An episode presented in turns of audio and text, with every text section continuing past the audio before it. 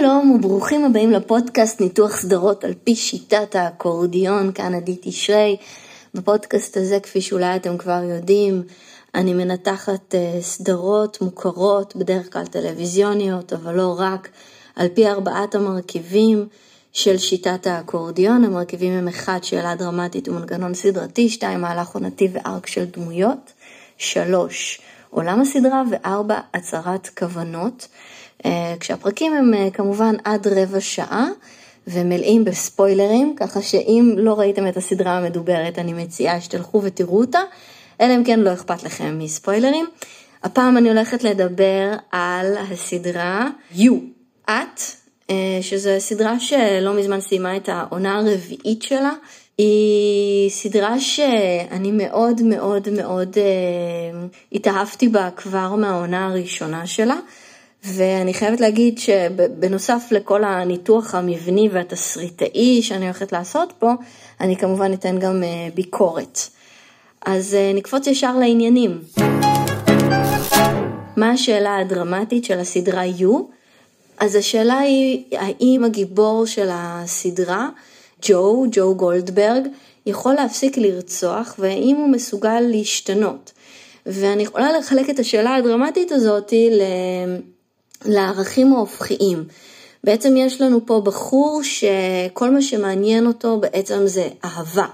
ובזכות או בגלל האהבה הזאתי, אה, בדרך כלל בכל עונה יש לנו מושא תשוקה אחר, בעונה הראשונה הזאת אה, גווינתין אה, היא מכונה בק, בגלל כל האהבה שלו אליה, אז הוא אה, רודף אותה, קורא את היומנים שלה, עוקב אחריה, מתחיל לעקוב אחריה ברשתות החברתיות, ובהמשך רוצח את החברים שלה, ובסוף זה תמיד נגמר בזה שהוא גם רוצח אותה. אז אה, למעשה, בתוך השאלה הדרמטית של האם הוא יכול להפסיק לרצוח, יש איזשהו סאבטקסט של האם שינוי אפשרי, האם בן אדם באמת יכול להשתנות. וזו שאלה מאוד מאוד עמוקה, זו שאלה פילוסופית מאוד עמוקה, שקשורה כמובן לפסיכולוגיה ולפילוסופיה, ולא רק לתסריטאות ולדרמה ולספרות, והוא מהווה המון המון רפרנסים ספרותיים במהלך הסדרה, ואני אנסה לגעת בהם כמה שאני יכולה. מבחינה של מנגנון, אה, המנגנון הסדרתי הוא כמובן הסטוקריות שלו. הוא סטוקר ויש לנו פה שני ערכים הופכיים, זה...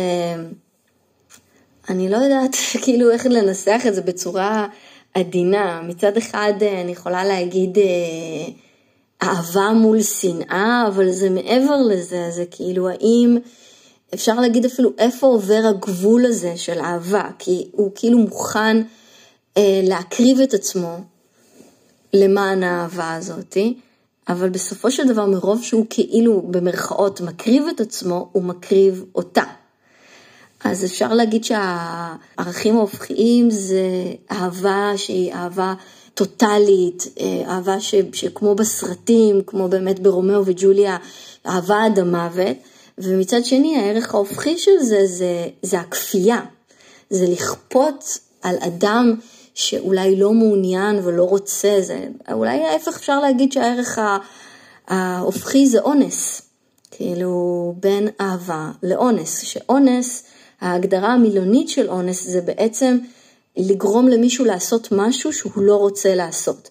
ופה אגב נכנס איזושהי מילה של ביקורת, שאי אפשר לפנטז על אונס, כי בעצם המילה אונס נאמר אה, שהבן אדם לא רוצה. שאנסת אותה לעשות משהו, בין אם זה אונס הלכה למעשה, אונס פיזי או אונס שהוא מטאפורי. ברגע שמשתמשים במילה אונס, ואונס מוזכר גם בתנ"ך, אמנם לא בעשרת הדיברות לצערנו, אבל אה, כן מוזכר אונס, וכשכל פעם שמדברים על אונס, מדברים על אונס בהקשר של כמו גניבה. זאת אומרת, נעשה משהו, נלקח משהו שלא ברשות. והמנגנון פה הוא מנגנון מאוד מחוכם, כי הסטוקר הזה בעצם כופה על, על מושא האהבה שלו, הוא עושה עליה מניפולציה וגורם לה, אנחנו רואים את סיפור האהבה הזאת מנקודת המבט שלו, מהרגע שבו הוא צופה עליה מרחוק, עד הרגע שהוא בעצם תופס אותה ברשת שלו, ואחר כך איך כמה שיש לו שליטה עליה, זה אף פעם לא מספיק לו, ובסוף זה נגמר ברצח, בכל העונות. אז מהבחינה של המהלך העונתי והארק של הדמויות, אני אתחיל ואגיד קודם כל שיש בעיקר ארק של הגיבור, של ג'ו גולדברג, ואנחנו רואים אותו מסיפור ההתאהבות הזאת בבק, אה, שבסוף הוא גורם לה גם לכתוב אה, ספר, בזכותו במרכאות היא כותבת את הספר, והספר הופך לרב מכר, ואחר כך יש לו את הסיפור עם להב אה, בלוס אנג'לס. והוא מתחתן עם לה ומביא את הילד, ואחר כך יש סיפור עם עוד מישהי שחוזרת בעונה הרביעית, שאותה אמנם הוא לא רוצח, אימא לילד, שהיא מצליחה לחמוק ממנו. ובעצם בעונה הרביעית היוצרות מתהפכות, והרודף או ה stalker הופך לניצוד, הופך למישהו שעושים עליו stalking. ואנחנו מתחילים את העונה הרביעית בכך שאנחנו מבינים שלמעשה אה, ג'ו שינה את השם שלו, ועכשיו אה, הוא גר בלונדון והוא מרצה לספרות. והוא כאילו נמצא בתוך איזשהו עלילה של אה, ספר של אדגר אלן פו, שיש חבורה של מלא עשירים ומתחיל להיות שם רציחות ומעלילים עליו שהוא הרוצח, אבל לא הוא הרוצח, והוא מנסה להבין מי רצח את כל הדמויות שם, וזה באמת אה, טוויסט מאוד מאוד יפה ומעניין, אני מודה שאהבתי את העונה הראשונה, את העונה השנייה, והעונה השלישית כבר לא, לא ממש צפיתי בה אפילו. אבל העונה הרביעית מאוד מאוד מעניינת, אני הרגשתי שיש שם כל כך הרבה טוויסטים יפים ומרתקים, והמתח שם היה בנוי בצורה פשוט לעילה ולעילה, כאילו מבחינה של דרמה טלוויזיונית, אה, מבחינה של אה, דרמטורגיה, יש פה עבודה יפהפייה. עולם הסדרה עושה רפרנסים מטורפים לעולם הספרות, אה, לעולם של מתח בלשי, הוא גם פרופסור לספרות. ואחד הסטודנטיות שלו מפנה אותו לכל מיני ספרים של אדגר אלן פה, והוא מדבר על הרפרנסים האלה, ככה זה קורה בסרטים, אז ככה זה יקרה עכשיו, וככה הוא משתמש בזה. ב... זה בעצם מוטיב חוזר שהוא מוטיב מטאפורי, שבאמת משחק איתו בצורה מאוד מאוד יפה, אפילו ברמה של אחד מהקורבנות אה, שומרים את האוזן שלו. אז יש איזשהו רפרנס כאילו אפילו לווינסנט ואן קוך. כאילו מדברים הרבה על אובססיביות של אמנים. ועל אה, זה שבאמת הרבה מהיצירות הספרותיות הגדולות ביותר, אה, או שהובילו לרצח, או שמדובר שם ברצח, וזה נורא מתקשר גם כמובן לתרבות האמריקאית של רוצחים סדרתיים, שעסקתי בהם לא מעט בפודקאסט הזה, אני מפנה אתכם לפרק שלי על Mindhunter. ובעצם זה מכניס אותנו לעולם של ספרות גם על ידי ציטוטים מאוד יפים מספרות מפורסמת, משפטים שהם באמת שירה.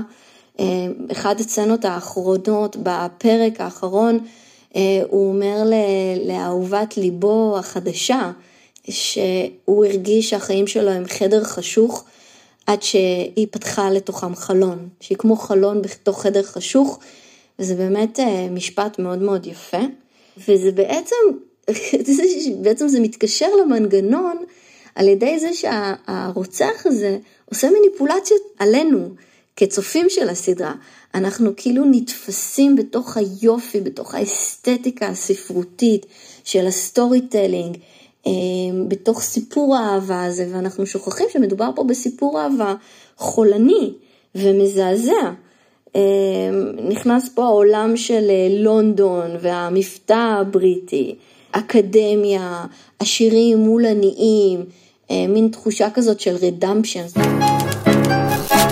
החלק של ההצהרת כוונות, בעצם בסוף הסדרה אנחנו מגלים שג'ו אה, סובל מסוג של דיסאסוציאציה, ושהרוצח שעשה לו stalking, שהאשים אותו ברציחות, היה בעצם הוא עצמו.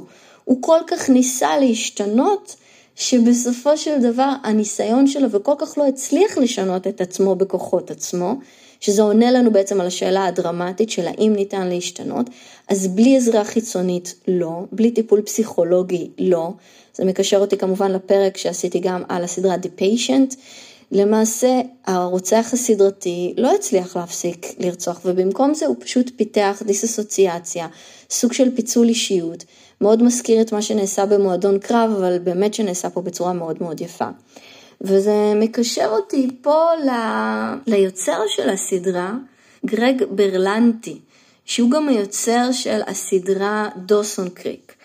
אה, וזה מאוד מעניין בהקשר הזה, אמנם הוא לא כתב את העלילה המקורית של יו, יו מבוסס על ספר תחת אותו שם מאת קרוליין קפנס, אה, וגרג ברלנטי היוצר של יו, הסדרה בנטפליקס יחד עם שרה גמבל, זה נורא מתקשר לתמה מסוימת שהיה גם בדוסון קריק. הוא בעצם יצר את דוסון קריק כשהוא היה בן 26, שזה מטורף לחלוטין, כאילו זו חתיכת קפיצה מטורפת לקריירה, אני זוכרת את דוסון קריק בתור סדרה שהרבה עוסקת באמת בסיפור הזה של אהבה, ואם אתה יכול להכריח מישהו או לבחור לאהוב מישהו.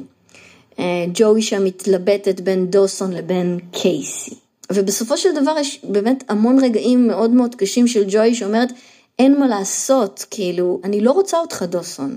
אני מאוד רוצה לרצות אותך, אבל, אבל לא. כאילו, אני רוצה את החבר הכי טוב שלך. והמקום הזה של משולש אהבה, אני חושבת שאנחנו יכולים קצת להרגיש אותו ב-U. משולש אהבה שהוא אמנם אה, משולש של הרוצח, המאהב והקורבן או האהובה שלו. כי הוא בעצם נמצא במצב של פיצול אישיות. ובמקום הזה אני יכולה לתת את הצד של הביקורת הפמיניסטית שלי, ובזה אני אסיים, שהמנגנון והכתיבה של הסדרה יהיו את בעברית מאוד מאוד מאוד חזק, אבל בעצם זה מין סגידה לגיבור הזה, לג'ו. אנחנו לא מקבלים הצצה באמת מספיק מלאה לדמויות הנשיות בסדרה.